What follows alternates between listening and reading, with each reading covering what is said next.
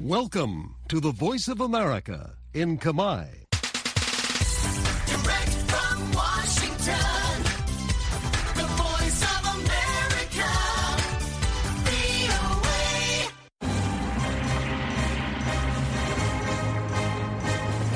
សួស្តីប្រិយមិត្តអ្នកស្ដាប់ជាទីមេត្រី នៅក្នុងកម្មវិធីផ្សាយតាមវិទ្យុរបស់ VOA នៅព្រឹកថ្ងៃពុធទី31ខែមករាឆ្នាំ2024នេះ ខ្ញុំជឹងពូជីននិងសហការីនៅក្រុមផ្សាយកាមេរ៉ាភាសាសូមស្វាគមន៍ប្រិយមិត្តពីរដ្ឋធានី Washington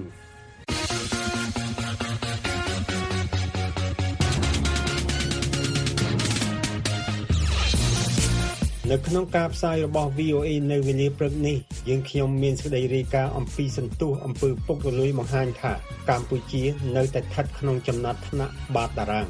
អង្គការសង្គមស៊ីវិលថារដ្ឋាភិបាលកម្ពុជានិងតុលាការប្រើប្រាស់យុទ្ធសាស្ត្របណ្ដឹងផ្លូវច្បាប់ប្រឆាំងនឹងការចូលរួមរបស់ពលរដ្ឋសេតវិមានបដិញ្ញាឆ្លើយតបនឹងការវាយប្រហារដោយយន្តហោះដ្រូនដែលគេបន្ទោសលើអ៊ីរ៉ង់ សេតវិមានថាសេចក្តីសម្រេចរបស់តុលាការយុត្តិធម៌អន្តរជាតិនឹងមិនផ្លាស់ប្ដូរគោលនយោបាយរបស់អាមេរិកលើតំបន់ហ្គាហ្សានោះទេហើយនឹងសេចក្តីរាយការណ៍អំពីលោកកឹមសុខាស្នើតុលាការបន្ធូរការរដ្ឋបတ်ខណៈអ្នកគាំទ្រជំរុញឲ្យទម្លាក់ចោលការចោទប្រកាន់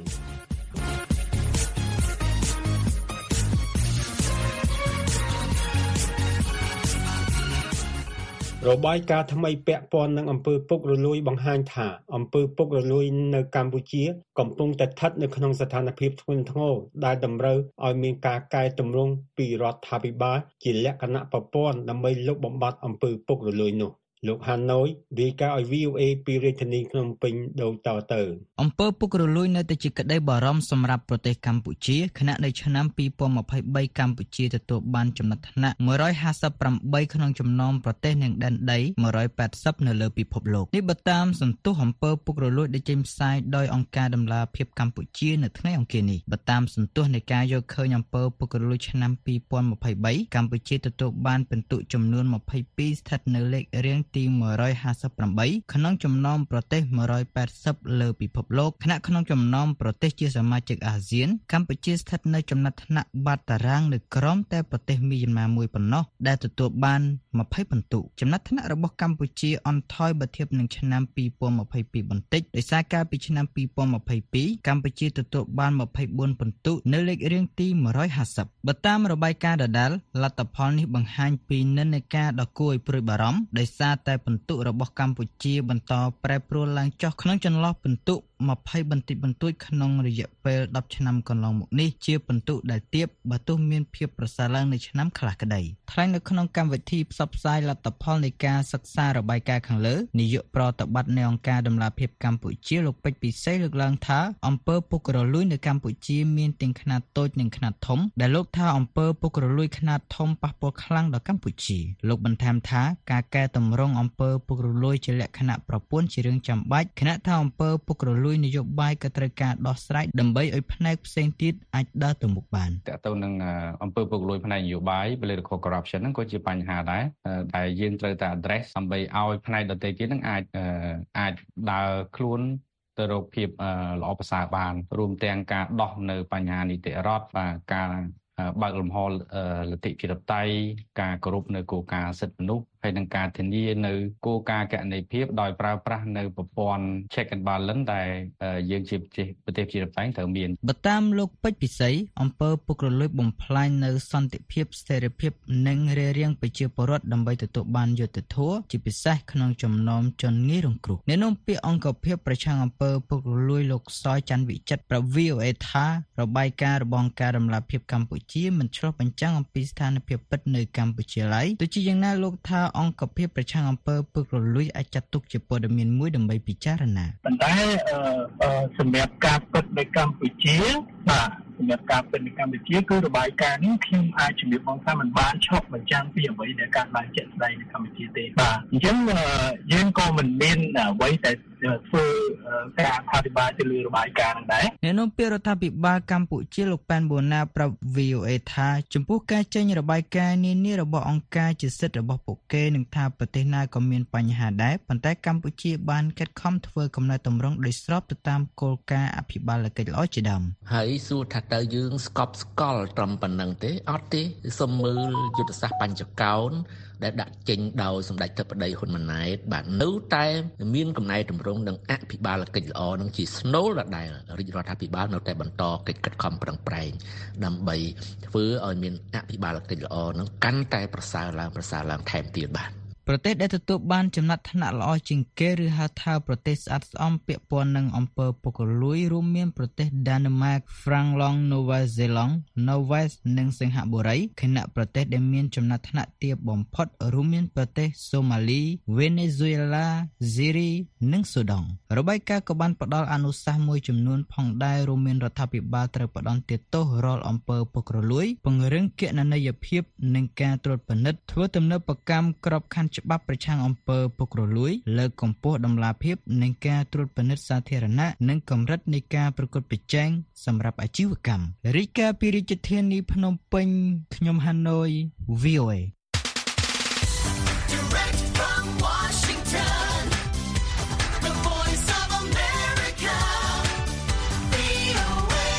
ក្រុមអង្គការសង្គមស៊ីវិលថារដ្ឋាភិបាលនិងតុលាការជាញឹកញាប់ប្រើប្រាស់យុទ្ធសាស្ត្របណ្ដឹងផ្លូវច្បាប់ដើម្បីបំបាក់ទឹកចិត្តបំផិតបំភ័យបំបិតសម្លេងប្រឆាំងការរិះគន់ឬការមិនយល់ស្របរបស់ពួកគេហើយវាបានប៉ះពាល់ដល់សេរីភាពនៃការបញ្ចេញមតិនិងបន្ទុចបង្អាក់ការចូលរួមរបស់ប្រជាពលរដ្ឋក៏ប៉ុន្តែអ្នកនាំពាក្យក្រសួងយុតិធម៌បានចានចោលការអះអាងនេះកញ្ញាមាសដារាយការណ៍លម្អិតឲ្យ VOA ពីរាជធានីភ្នំពេញដូចតទៅ យុទ្ធសាស្ត្របណ្ដឹងផ្លូវច្បាប់ដែលជាបណ្ដឹងធ្វើឡើងដោយចេតនាដើម្បីបំបាក់ទឹកចិត្តបំផិតបំភ័យរំខានបង្អាក់បិទសម្លេង ប្រឆាំងការរិះគន់ឬការមិនយល់ស្របត្រូវបានរដ្ឋាភិបាលកម្ពុជានិងតុលាការប្រើប្រាស់ជាញឹកញាប់ដែលវាប៉ះពាល់ដល់សេរីភាពនៃការបញ្ចេញមតិនិងការបន្ទុចបង្អាក់ការចូលរួមរបស់ពលរដ្ឋនេះបើតាមអង្គការសង្គមស៊ីវិលដែលរួមមានមជ្ឈមណ្ឌលសិទ្ធិមនុស្សកម្ពុជា សមាគមអាត6និងមជ្ឈមណ្ឌលសាមគ្គីដែលបានចងក្រងសាលាកបាត់ព័ត៌មានស្ដីពីយុទ្ធសាស្ត្របណ្ដឹងផ្លូវច្បាប់ប្រឆាំងនឹងការចូលរួមជាសាធារណៈនៅកម្ពុជា ចាប់តាំងពីខែមករារហូតដល់ខែធ្នូ ឆ្នាំ2023 ពួកគេលើកឡើងថានៅកម្ពុជាយុទ្ធសាស្ត្របណ្ដឹងផ្លូវច្បាប់ត្រូវបានរដ្ឋាភិបាលឬតុលាការប្រើប្រាស់ជាញឹកញាប់នៅក្នុងទម្រង់នៃការដាក់ទោសប្រមទ័នដូចជាការកោះហៅមកសាកសួរឬការដាក់ឲ្យជាប់បណ្ដឹងអាជ្ញាហើយមនុស្សមួយចំនួនដែលត្រូវបានជាប់បណ្ដឹងនេះមានការកើនឡើងក្នុងឆ្នាំ2023បើធៀបនឹងឆ្នាំ2022យុទ្ធសាស្ត្របណ្ដឹងច្បាប់នេះត្រូវបានយកមកប្រើប្រាស់ជាយុទ្ធសាស្ត្រមួយនៅក្នុងការបំផិតបំភ័យបុគ្គលទាំងឡាយដូចជាទូអង្គសង្គមស៊ីវិលថ្នាក់ដឹកនាំសហគមន៍អ្នកសារព័ត៌មាន អ្នកផ្សាយព័ត៌មាន និងអ្នកការពារសិទ្ធិមនុស្សឲ្យមានការភ័យខ្លាចនិងស្ងៀមស្ងាត់ បើតាមក្រុមអង្គការសង្គមស៊ីវិលយុទ្ធសាស្ត្របណ្ដឹងផ្លូវច្បាប់មានគោលដៅការពាររដ្ឋាភិបាល និងបុគ្គលមានអំណាចចេញពីការរិះគន់ឬជំទាស់ដើម្បីបំបត្តិសម្លេងរិះគន់និងការបំបាក់ទឹកចិត្តដល់ប្រជាពលរដ្ឋនៅក្នុងការចូលរួមក្នុងសង្គមអង្គការសង្គមស៊ីវិលលើកឡើងទៀតថាមានការចាប់ខ្លួនបុគ្គលជាច្រើន និងមានការជំនុំជម្រះរឿងក្តីប្រមត្តនដែលមានរយៈពេលយូរមិនកំណត់ព្រមទាំងចំណាយធនធានជាច្រើន ហើយជារឿយៗករណីទាំងនោះតែងតែមានការឃុំខ្លួនបណ្ដោះអាសន្នជាច្រើនខែឆ្នាំយុទ្ធសាស្ត្របណ្ដឹងផ្លូវច្បាប់នេះធ្វើឲ្យការចូលរួមរបស់ប្រជាពលរដ្ឋនៅក្នុងសង្គមមានការធ្លាក់ចុះដោយសារតែមានការភ័យខ្លាចជាប់ពន្ធនាគារនិងខ្លាចបង្កជាបន្ទុកធ្ងន់ធ្ងរផ្នែកថវិកាក្នុងការចំណាយលើសេវាច្បាប់និងប្រាក់ពិន័យផ្សេងផ្សេងៗ យុទ្ធសាស្ត្របណ្ដឹងផ្លូវច្បាប់ប្រឆាំងនឹងការចូលរួមជាសាធារណៈត្រូវបានប្រើប្រាស់ចំនួន39ដង នៅក្នុងរយៈពេលពេញមួយឆ្នាំ2023នេះបើតាមក្រុមអង្គការសង្គមស៊ីវិល31%នៃករណីដែលមានមនុស្ស52នាក់ពាក់ព័ន្ធជាមួយនឹងបណ្ដឹងលើសកម្មជននយោបាយឬអ្នកនយោបាយពាក់ព័ន្ធជាមួយនឹងការបង្ហោះឬចែករំលែកមតិយោបល់អំពីការបោះឆ្នោតសកលឆ្នាំ2023បន្ថែមពីនេះ21%នៃករណីសរុបដែលមានមនុស្ស9នាក់ពាក់ព័ន្ធជាមួយនឹងបណ្ដឹងជំទាស់មកលើអ្នកសារព័ត៌មានបន្ទាប់ពីរាយការណ៍ឬបកស្រាយរឿងអំពើពុករលួយឬបញ្ហារសើបនេះបើតាមការរកឃើញរបស់ក្រុមអង្គការសង្គមស៊ីវិលមានការប្រើប្រាស់យុទ្ធសាស្ត្របណ្ដឹងផ្លូវច្បាប់ចំនួន10ករណីក្នុងអំឡុងពេលបោះឆ្នោតជាតិក្នុងខែកក្កដាឆ្នាំ2023ដែលជាខែមានករណីកើតបណ្ដឹងនេះច្រើនជាងគេទន្ទឹមនឹងនេះករណីភាគច្រើនគឺគឺរដ្ឋាភិបាលឬតុលាការជាអ្នកប្រើបណ្ដឹងនេះព្រមទាំងកំណត់មុខសញ្ញាលើបុគ្គលចម្រុះនៅក្នុងឆ្នាំ2022មានការប្រើប្រាស់យុទ្ធសាស្ត្របណ្ដឹងផ្លូវច្បាប់ចំនួន37ករណីពាក់ព័ន្ធនឹងមនុស្ស79នាក់បើធៀបទៅនឹងឆ្នាំ2023មានបុគ្គលចំនួន127នាក់អង្គការសង្គមស៊ីវិលបញ្ជាក់ថាការប្រើប្រាស់យុទ្ធសាស្ត្របណ្ដឹងផ្លូវច្បាប់នេះកើនឡើងជាលំដាប់អ្នកនាំពាក្យក្រសួងយុតិធធលោកចិនម៉ាលីនប្រាប់ VOA នៅថ្ងៃអង្គារនេះថារដ្ឋាភិបាលមិនមានការអនុវត្តយុទ្ធសាស្ត្របណ្ដឹងផ្លូវច្បាប់ដូចជាការលើកឡើងរបស់ក្រុមអង្គការសង្គមស៊ីវិលឡើយ។ បាទរដ្ឋាភិបាលដោយអត់មានយុទ្ធសាស្ត្របណ្ដឹងផ្លូវច្បាប់អីរដ្ឋាភិបាលមានតែការជំរុញទៅការអនុវត្តច្បាប់តាមបែបប្រជាធិបតេយ្យនិងនីតិរដ្ឋហើយការអង្គការសង្គមស៊ីវិលមួយចំនួនតូចលើកឡើងដោយសារគាត់ភ័យខ្លួនខ្លួនគាត់ដោយសារគាត់អាចថាគាត់ធ្វើសកម្មភាពក្នុងចេតនានយោបាយឬក៏ចេតនាមិនល្អណាមួយដែលគាត់ភ័យខ្លួនគាត់ លោកសង្សានករណាអ្នកនាំពាក្យសមាគមការពារសិទ្ធិមនុស្សអាត6ប្រាប់ VOA នៅថ្ងៃអង្គារនេះថាការស្រាវជ្រាវសាលាកបាត់យុទ្ធសាស្ត្របណ្ដឹងផ្លូវច្បាប់នេះធ្វើឡើងដើម្បីកុំឲ្យរដ្ឋាភិបាលក៏ដូចជាភាគីពាក់ព័ន្ធទាំងឡាយណាដែលតែងតែប្រើប្រាស់ចេតនាយុទ្ធសាស្ត្របណ្ដឹងផ្លូវច្បាប់ទៅលើអ្នកនយោបាយសកម្មជនដេតធ្លីសហជីពអង្គការសង្គមស៊ីវិលនិងអ្នកសារព័ត៌មានបន្តទៀត គឺយើងចង់ជំរុញឲ្យមានច្បាប់ណាហាម5យុទ្ធសាស្ត្របណ្ដឹងផ្លូវច្បាប់ប្រឆាំងការចូលរួមសាធារណៈនឹងហើយច្បាប់នឹងក៏ត្រូវតែចែងអំពីការផ្ដន់ទាទោសដល់បុគ្គលឬក៏ស្ថាប័នដែលប្រើប្រាស់យុទ្ធសាស្ត្របណ្ដឹងផ្លូវច្បាប់នឹងណានៅត្រឹមឆ្នាំ2026ហ្នឹងគឺចង់ឲ្យមានច្បាប់ហ្នឹងបាទ ដើម្បីទប់ស្កាត់ករណីយុទ្ធសាស្ត្របណ្ដឹងផ្លូវច្បាប់ក្រុមអង្គការសង្គមស៊ីវិលលើកឡើងថារដ្ឋាភិបាលគួរជំរុញឲ្យមានច្បាប់ដែលមានការហាម5យុទ្ធសាស្ត្របណ្ដឹងផ្លូវច្បាប់ប្រឆាំងនឹងការចូលរួមជាសាធារណៈហើយច្បាប់នោះមានចែងពីការផ្ដន្ទាទោសដល់បុគ្គលឬស្ថាប័នដែលប្រើប្រាស់យុទ្ធសាស្ត្របណ្ដឹងផ្លូវច្បាប់ពិនិត្យនិងវិសោធនកម្មព្រហ្មទណ្ឌជាពិសេសបទល្មើសបរិហាកេនិងការញុះញង់ឲ្យស្របទៅតាមក្របខ័ណ្ឌច្បាប់សិទ្ធិមនុស្សអន្តរជាតិនិងផ្ដល់ការបណ្ដុះបណ្ដាលដល់មន្ត្រីនគរបាល និងមន្ត្រីតុលាការឲ្យយល់ដឹងអំពីយុទ្ធសាស្ត្របណ្ដឹងផ្លូវច្បាប់ប្រឆាំងនឹងការចូលរួមជាសាធារណៈបង្កនិងបង្កើតបរិយាកាសល្អសម្រាប់អ្នកការពារសិទ្ធិមនុស្សអ្នកសារព័ត៌មានឯករាជ្យនិងសកម្មជនដោយអនុញ្ញាតឲ្យអ្នកទាំងអស់នោះអាចធ្វើការនឹងសកម្មភាពស្របច្បាប់រាយការណ៍ពីរាជធានីភ្នំពេញ នាងខ្ញុំមាសដា VOA លោកអ្នកនាងកំពុងស្ដាប់កម្មវិធីផ្សាយជាខេមរៈភាសានៃ VOA ប្រភពព័ត៌មានជាទីទុកចិត្តតាំងពីឆ្នាំ1955សេតវិមានថាខ្លួនមិនបានស្វែងរកការធ្វើសង្គ្រាមជាមួយប្រទេសអ៊ីរ៉ង់ទេចំពេលដែលប្រធានាធិបតីអាមេរិកលោកโจ Biden បដិញ្ញាឆ្លើយតបនឹងការវាយប្រហារដោយយន្តហោះគ្មានមនុស្សបើកដ្រូនដែលបានសម្លាប់ទាហានអាមេរិក3នាក់នៅយ៉ូដានី នេះជាទង្វើដែលរដ្ឋាភិបាលក្រុងវ៉ាស៊ីនតោនស្ដីបន្ទោសលើកងជីវពលសកម្មប្រយុទ្ធដែលគ្រប់គ្រងដោយអ៊ីរ៉ង់សភាកំពុងដាក់សម្ពាធដល់សេតវិមានឲ្យធ្វើការវាយបកវិញ ដែលទំនងជានឹងធ្វើឲ្យកាន់តែតានតឹងឡើង និងពង្រីកចំនួនដែលបង្កឡើងដោយការវាយប្រហារថ្ងៃទី7ខែតុលារបស់ពួកហាម៉ាស់លើពលរដ្ឋអ៊ីស្រាអែលអ្នកស្រី Anita Powell នៅ VOA រាយការណ៍អំពីរឿងនេះពីរដ្ឋធានី Washington លោកសុកខេមរាជួនក្តីប្រាយសម្រួលដោយតទៅ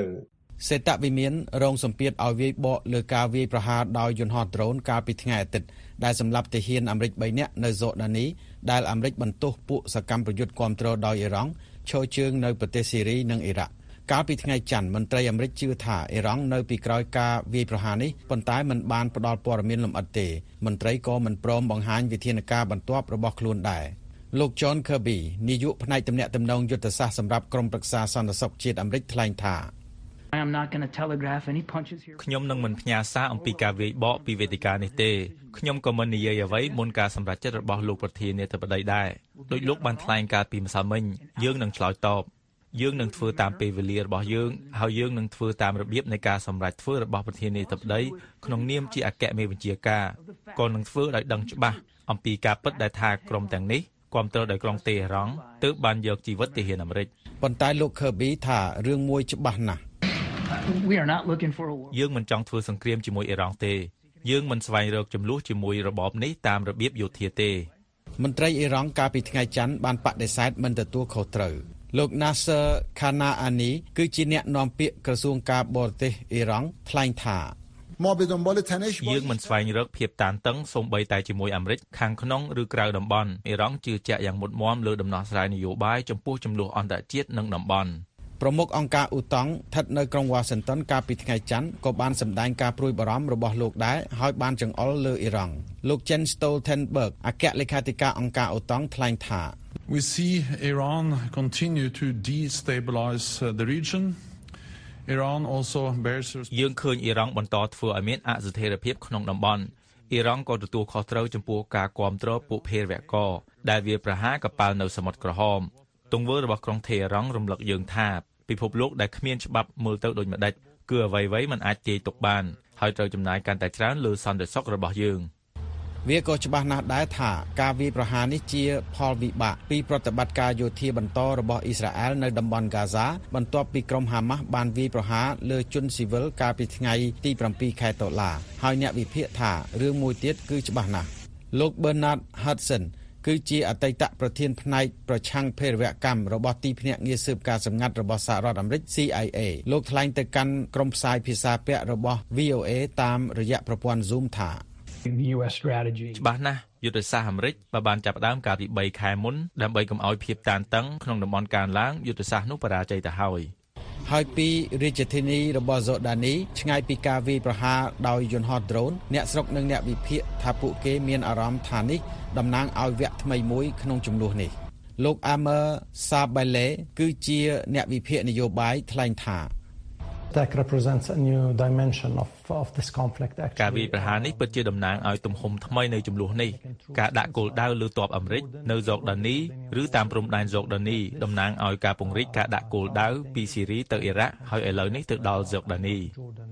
ដូច្នេះត្រូវធ្វើដោយម្ដេចទៀតចម្លើយស្ថិតនៅលើប្រធានាធិបតីអាមេរិកលោកប្រធានាធិបតីโจ Biden ថ្លែងថា យើងបានបាត់បង់ដួងព្រលឹងអ្នកក្លាហាន3នាក់នៅក្នុងការវាយប្រហារលើមូលដ្ឋានរបស់យើងខ្ញុំសូមស្មឹងស្មាតរំលឹកវិញ្ញាណក្ខន្ធទាហានទាំង3នាក់ដែលបានស្លាប់ហើយយើងនឹងឆ្លើយតបចូលព្រះប្រទានពរដល់អ្នកទាំងអស់គ្នា ពីរដ្ឋធានី Washington ខ្ញុំសុកខេមរា VOA លោកអ្នកនាងកំពុងតែស្ដាប់កម្មវិធីផ្សាយរបស់ VOA ពីរដ្ឋធានី Washington ដែលមាន2លើកក្នុងមួយថ្ងៃគឺពេលព្រឹកពីម៉ោង5ដល់ម៉ោង5:30នាទី និងពេលយប់ពីម៉ោង8:30នាទីដល់ម៉ោង9:30នាទីមកនៅប្រទេសកម្ពុជាសេតវិមានថាបទបញ្ជាបឋមពីតុលាការយុតិធធអន្តរជាតិដែលបង្គាប់ឲ្យអ៊ីស្រាអែលចាត់វិធានការជាបន្ទាន់ដើម្បីបញ្ជាអំពើបល្ល័យពូជសាសន៍នៅតំបន់ហ្គាហ្សាគឺស្របជាមួយនឹងចំណាត់ការរបស់រដ្ឋបាលប្រធានាធិបតីលោកโจ Biden ចំពោះសង្គ្រាមហើយនឹងមិនកែប្រែគោលនយោបាយរបស់សហរដ្ឋអាមេរិកនៅក្នុងការគ្រប់គ្រងអ៊ីស្រាអែលនោះទេអ្នកស្រី Patsy Widakuswara ប្រធានការិយាល័យឆ្លើយឆ្លងព័ត៌មានពីសេតវិមានជូនសេចក្តីរាយការណ៍អំពីរឿងនេះអ្នកនាងស្រេងលក្ខណាជូនសេចក្តីប្រែសម្រួលដូចតទៅគណៈការស្លាប់បានកើនដល់26000នាក់យោងតាមមន្ត្រីសុខាភិបាលតំបន់កាហ្សាតុលាការយុតិធធអន្តរជាតិ បានបញ្ជាឲ្យអ៊ីស្រាអែលចាត់វិធានការជាបន្ទាន់ដើម្បីបញ្ជាអំពើប្រល័យពូជសាសន៍នៅតំបន់កាហ្សាអ្នកស្រី Joan E Donoghue ប្រធានតុលាការយុតិធធអន្តរជាតិថ្លែងថា In particular A killing members of the group ជាពិសេសទី1ចំពោះការសម្លាប់ទី2ការបំពានធ្ងន់ធ្ងរលើរាងកាយនិងផ្លូវចិត្តទី3ចំពោះការដាក់បន្ទុកលើស្ថានភាពរស់នៅឲ្យមានការវិនាសអាហ្វ្រិកខាងត្បូងបានប្តឹងប្រឆាំងនឹងអ៊ីស្រាអែលទៅតុលាការយុតិធធអន្តរជាតិ ប៉ុន្តែសេតវិមានថាករណីនេះគ្មានមូលដ្ឋានរឹងមាំហើយសារក្រមនឹងមិនកែប្រែការគ្រប់គ្រងឥតងាករេរបស់អាមេរិកចំពោះអ៊ីស្រាអែលនោះទេអ្នកនាំពាក្យក្រុមប្រឹក្សាសន្តិសុខជាតិលោក John Kirby បានថ្លែងប្រាប់ VOA ថាយើងត្រូវពិនិត្យមើលការវិវត្តនៃដំណើរការនេះប៉ុន្តែដំណើរការនេះមិនត្រូវរំពឹងថានឹងផ្លាស់ប្ដូរចំណាត់ការនោះទេលោកប្រធានាធិបតីជឿថាចំណាត់ការកំពុងធ្វើឡើងទទួលបានលទ្ធផលហើយយើងនឹងរក្សាដូចនេះ អាមេរិកថាសេចក្តីសម្រេចនេះស្របជាមួយចំណាត់ការរបស់រដ្ឋបាលប្រធានាធិបតីក្នុងការជំរុញឲ្យអ៊ីស្រាអែលកាត់បន្ថយការប៉ះពាល់ទៅលើជនស៊ីវិលហើយបង្កើនជំនួយមនុស្សធម៌និងថាអ៊ីស្រាអែលមានសិទ្ធិធានាថាការវិប្រហារនឹងមិនកើតឡើងសាជាថ្មីទោះជាការស្លាប់កំពុងកើនឡើងអាមេរិកប្រឆាំងនឹងបទឈប់បាញ់មួយដែលខ្លួនថាផ្ដល់ប្រយោជន៍សម្រាប់តែក្រុមហាម៉ាស់និងកត់សម្គាល់ថាតុលាការយុតិធធអន្តរជាតិមិនបានបញ្ជាឲ្យមានបទឈប់បាញ់នោះទេ លោក Ned Nazarus ដែលជាសាស្ត្រាចារ្យបង្រៀនផ្នែកវិភាគពីចំនួននៅឯសាកលវិទ្យាល័យ George Washington បានថ្លែងថាក្នុងបរិបទនេះនេះគឺជាការកំណត់ប្រតិបត្តិការយោធាអ៊ីស្រាអែលជាទូទៅជាប្រតិបត្តិការយោធាស្របច្បាប់មួយជាការឆ្លើយតបទៅនឹងការវាយប្រហារដោយក្រុមហាម៉ាស់កាលពីថ្ងៃទី7ខែតុលាប៉ុន្តែសេចក្តីសម្រេចតុលាការយុតិធធអន្តរជាតិអាចជំរុញឲ្យអាមេរិកនិងប្រទេសដទៃទៀត ពិនិត្យមើលថាតើការគ្រប់គ្រងរបស់ពួកគេចំពោះយុទ្ធនាការយោធារបស់អ៊ីស្រាអែលមានហានិភ័យផ្លូវច្បាប់ដែរឬទេលោក Adol Haig ដែលជាសាស្ត្រាចារ្យផ្នែកច្បាប់អន្តរជាតិនៅឯសាកលវិទ្យាល័យ Rutgers បានថ្លែងថាការដែលតុលាការផ្ដល់ជាដំណឹងដល់សហគមន៍អន្តរជាតិពីហានិភ័យដែលអំពើប្រល័យពូជសាសន៍កើតឡើងឬប្រហែលកើតឡើង បើមិនត្រូវបញ្ជា មានន័យថារាល់បណ្ដារដ្ឋ ដែលនឹងផ្ដល់ជំនួយយោធាឬការទូតដល់អ៊ីស្រាអែលត្រូវពិចារណាឲ្យមុតមមថាតើពួកគេគួរបន្តធ្វើដូច្នេះបើទោះបីជាមានហានិភ័យដោយតុលាការបានកំណត់ឡើងឬទេមិនធ្លាប់មានការពិនិត្យផ្លូវច្បាប់ថាតើសេចក្តីសម្រេចរបស់តុលាការអាចអនុវត្តមកលើសហរដ្ឋអាមេរិកបានឬអត់នោះទេលើផ្នែកការទូតសេចក្តីសម្រេចតុលាការយុតិធធអន្តរជាតិដែលបានពង្រឹងដល់ក្រុមជំរុញឲ្យមានវិធានការប្រឆាំងនឹងអ៊ីស្រាអែលនៅក្រុមរក្សាសន្តិសុខអង្គការសហប្រជាជាតិ គឺជាបញ្ហាមួយដែលអាមេរិកនឹងត្រូវដោះស្រាយនៅទីបំផុតអគ្គរដ្ឋទូតប៉ាឡេស្ទីនទៅកាន់អង្គការសហប្រជាជាតិលោករីយ៉ាតម៉ាន់សួរថាលោកកំពុងធ្វើការជាមួយអាល់ជេរីដែលជាប្រទេសអារ៉ាប់សមាជិកក្រុមប្រឹក្សាសន្តិសុខអង្គការសហប្រជាជាតិ We are digging into all the details យើងកំពុងពិនិត្យមើលសេចក្តីលម្អិតទាំងអស់ដើម្បីចាត់វិធានការសមស្របដែលពិតណាស់ចំណាត់ការទាំងនេះនឹងស្ថិតនៅក្រមប្រឹក្សាសន្តិសុខគណៈសម្ពាធពីអន្តរជាតិប្រហែលនឹងមិនធ្វើឲ្យលោក Biden ផ្លាស់គំនិតនៅមុនការបោះឆ្នោតខែវិច្ឆិកាលោក Biden ក៏ត្រូវពិចារណាពីមតិអ្នកបោះឆ្នោតឲ្យលោកផងដែរការស្ទង់មតិបង្ហាញថាពលរដ្ឋអាមេរិកភាគច្រើនជាពិសេសសមាជិកគណៈបកប្រជាធិបតេយ្យរបស់លោក Biden ផ្ទាល់ចង់ឲ្យសង្គ្រាមនៅតំបន់កាហ្សាបញ្ចប់ពីរដ្ឋធានី Washington ខ្ញុំស្រីលក្ខិណា VOA លោកអ្នកនាងកំពុងតែស្ដាប់កម្មវិធីផ្សាយរបស់ VOA ពីរដ្ឋធានី Washington ដែលមាន2លើកក្នុងមួយថ្ងៃ គឺពេលព្រឹកពីម៉ោង5ដល់ម៉ោង5:30នាទីនិងពេលយប់ពីម៉ោង8:30នាទីដល់ម៉ោង9:30នាទីម៉ោងនៅប្រទេសកម្ពុជាសាឡាអូតូនៅព្រឹកថ្ងៃអង្គារបានបើកសវនាការលើបណ្ដឹងសារទុករបស់មេដឹកនាំនយោបាយជំទាស់លោកកឹមសុខាក្នុងសំណុំរឿងក្បត់ជាតិដ៏ចម្រូងចម្រាស មេធាវីការពីក្តីលោកកឹម សុខាថា លោកស្នើសុំឲ្យបន្ធូរបន្ថយការឃុំខ្លួនលោក ដូចជាការជួបជាមួយអ្នកដទៃជាដើមលោកសឹមច័ន្ទសំណាងរាយការណ៍លម្អិតឲ្យ VOA ពីរាជធានីភ្នំពេញដូចតទៅមេដឹកនាំគណៈបកជំទាស់លោកកឹមសុខាស្នើសុំទៅតុលាការកុំឲ្យរដ្ឋបិទការឃុំខ្លួនរបស់លោកខ្លាំងពេកដូចជាករណីជួបជាមួយជនដទៃទៀតនៅក្នុងផ្ទះរបស់លោកលើកលែងតែមេធាវីប៉ុន្តែការស្នើសុំនេះត្រូវបានតុលាការច្រានចោលនេះបើតាមលោកអាងឧត្តម សហមេធាវីការពីក្តីលោកកឹមសុខាសាលាឧទ្ធរនៅព្រឹកថ្ងៃអង្គារនេះបានបើកសវនាការលើបណ្ដឹងសារទុករបស់មេដឹកនាំនយោបាយជំទាស់លោកកឹមសុខាដែលត្រូវបានចោទប្រកាន់តាំងពីឆ្នាំ2017ក្នុងសំណុំរឿងក្បត់ជាតិដ៏ចម្រូងចម្រាសដែលលោកត្រូវបានកាត់ទោសឲ្យជាប់ពន្ធនាគារចំនួន27ឆ្នាំក្រោយបញ្ចប់សវនាការនៅថ្ងៃដំបូងលោកមេធាវីថ្លែងប្រាប់ក្រុមអ្នកសារព័ត៌មានថា គាត់សុំកុំឲ្យរដ្ឋបិទការឃុំខ្លួនរបស់គាត់ពេកពីប៉ះជាពិសេសប៉ះពាល់មិនត្រឹមតែគាត់ទេប៉ះពាល់ដល់គ្រួសារដែលគាត់គ្រួសារគាត់និងអ្នកដែលធ្លាប់នៅជាមួយគាត់រាប់ឆ្នាំទុកទោះជាសាច់ញាតិតំណានហើយមិនឲ្យនៅជាមួយគាត់ដើម្បីជួយកិច្ចការជួយសុខទុក្ខគាត់ដូចមុនទៀតក៏សូមឲ្យបទូបថយចំណុចហ្នឹងលោកមេធាវីអាងឧត្តមបញ្ជាក់ទៀតថាសវនាការរបស់លោកកឹមសុខានឹងប្រព្រឹត្តទៅចំនួន9លើកដែលលើកទី2នឹងធ្វើឡើងនៅថ្ងៃទី8ខែកុម្ភៈនេះ បើតាមមេធាវីស្ថានភាពសុខភាពរបស់លោកកឹមសុខាគឺមានភាពប្រក្រតីធម្មតាកាលពីព្រឹកថ្ងៃអង្គារក្រុមអ្នកសារព័ត៌មាននិងអ្នកតាមដានមួយចំនួនមិនត្រូវបានអនុញ្ញាតឲ្យចូលស្ដាប់នៅក្នុងសវនកម្មរបស់លោកកឹមសុខានិងអាចចូលទៅជិតសាលាឧទ្ធរនោះទេព្រមទាំងមានការត្រួតពិនិត្យនិងយាមកាយយ៉ាងតឹងរឹងពីសំណាក់កម្លាំងសមត្ថកិច្ចពាក់ព័ន្ធនឹងករណីមិនអនុញ្ញាតឲ្យចូលស្ដាប់ក្នុងសវនាការនេះនាយកផ្នែកតស៊ូមតិនៃមជ្ឈមណ្ឌលសិទ្ធិមនុស្សកម្ពុជាលោកសួនយុទ្ធជាយល់ថា តុលាការមិនគួរមានការកំណត់ចំនួនអ្នកចូលស្ដាប់ហើយតតែចោះឈ្មោះទៅអនុញ្ញាតឲ្យចូលនោះទេពីព្រោះសវនាការនេះជាសវនាការសាធារណៈដែលប្រជាពលរដ្ឋអាចមានសិទ្ធិចូលស្ដាប់បានដោយសេរីប្រសិនបើពួកគេចាប់អារម្មណ៍ជាទូទៅគឺសវនាការដាច់ខាតត្រូវតែធ្វើជាសាធារណៈហើយមិនតម្រូវឲ្យមានការចោះឈ្មោះឲ្យទុកជាមុនអញ្ចឹងទេហើយសួរថាបើកន្លែងជាអៀតតើគួរធ្វើយ៉ាងម៉េចកន្លែងអាហ្នឹងគឺជាការងារនិងកិច្ចការនៃការចាត់ចែងរបស់ ខាងមន្ត្រីតុលាការគឺត្រូវធ្វើយ៉ាងណាធានាយ៉ាងណាឲ្យសាធារណជនដែលចង់ដែលមានបំណងចូលទៅស្ដាប់សវនាការហ្នឹងត្រូវតែចូលទៅចូលបានហើយមានកន្លែងអង្គុយសមរម្យក្នុងការស្ដាប់នៅដំណើរការក្តីក៏ដូចជាសវនាការនឹងជាដើម VOA មិនទាន់អាចសុំការអធិប្បាយពីលោកខុនលៀងមេងអ្នកនាំពាក្យសាឡាឧទ្ធររាជធានីភ្នំពេញបាននៅឡើយទេគិតត្រឹមល្ងាចថ្ងៃអង្គារនេះ ក្រុមអ្នកគាំទ្រអតីតមេដឹកនាំគណៈបកជំទាស់លោកកឹមសុខាដែលមានវត្តមាននៅខាងក្រៅតុលាការបានអំពាវនាវឲ្យសាឡាឧទ្ធរផ្ដល់យុត្តិធម៌ដល់អ្នកនយោបាយចាស់វស្សាមួយរូបនេះក្នុងសំណុំរឿងក្បត់ជាតិក្រមហេតុផលថាលោកមិនបានប្រព្រឹត្តដោយការចោទប្រកាន់ទេបច្ចុប្បន្នលោកកឹមសុខាត្រូវបានដាក់ឯឃុំនៅក្នុងផ្ទះតាមការសម្រេចរបស់សាលាដំបងរាជធានីភ្នំពេញ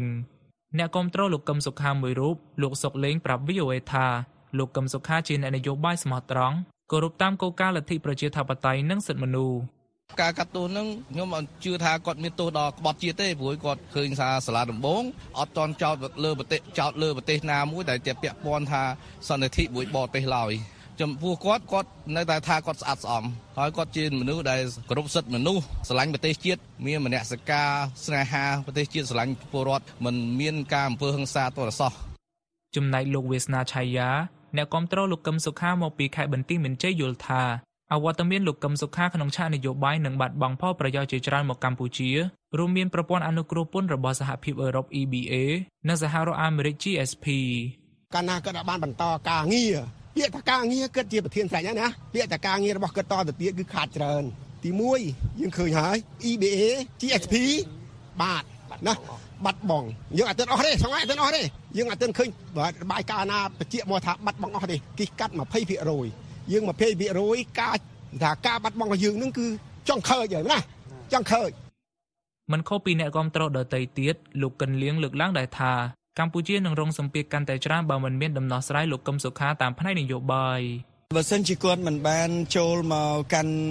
នយោបាយឡើងវិញអញ្ចឹងវានឹងមានសម្ពាធកាន់តែច្រើន ដោយយើងដឹងស្រាប់ហើយបច្ចុប្បន្ននេះជាគេហៅថា globalization មានន័យថាសកលភាវូបនីយកម្មទំនាក់ទំនងទូទៅយើងអាចទំនាក់ទំនងទៅកាន់ប្រទេសមួយចំនួន បានតែប៉ុន្តែប្រទេសមួយចំនួនដូចជាពួកអរិយប្រទេសមាន Z20 Z7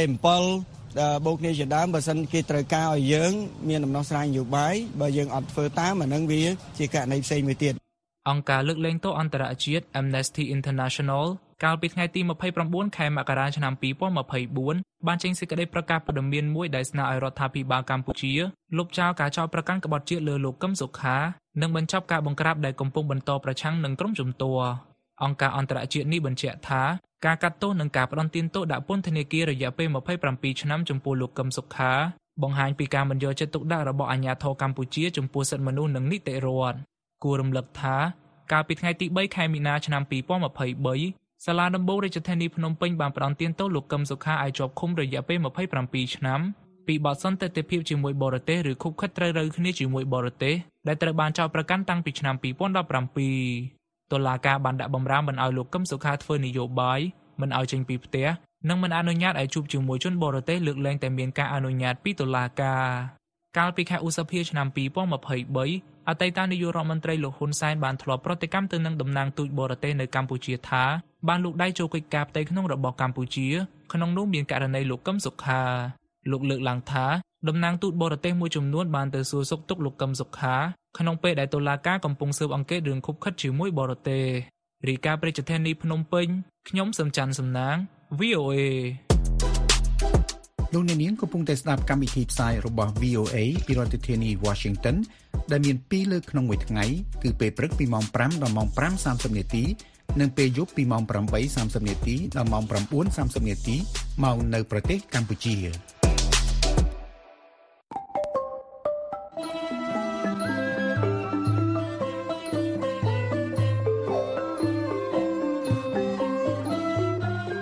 វិធីផ្សាយរបស់ VOA នៅព្រឹកនេះចាប់តែត្រឹមនេះសូមអរលោកអ្នករងចាំស្ដាប់សេចក្តីរាយការណ៍ព័ត៌មានជាតិនិងអន្តរជាតិរបស់ VOA នៅក្នុងការផ្សាយបន្តផ្ទាល់របស់យើងខ្ញុំនៅរាត្រីនេះទៀតពីម៉ោង8:30នាទីដល់ម៉ោង9:30នាទី តាមរលកវិទ្យុ 25m ត្រូវនឹងកម្រិត11695និង1575 kHz ឬតាមប្រព័ន្ធអ៊ីនធឺណិតដែលមានអាសយដ្ឋានខ្មែរ .voenews.com សូមអរលោកអ្នកបានប្រកបដោយសេចក្តីសុខនិងសុភមង្គលគ្រប់ប្រការអារុនសុស្ដី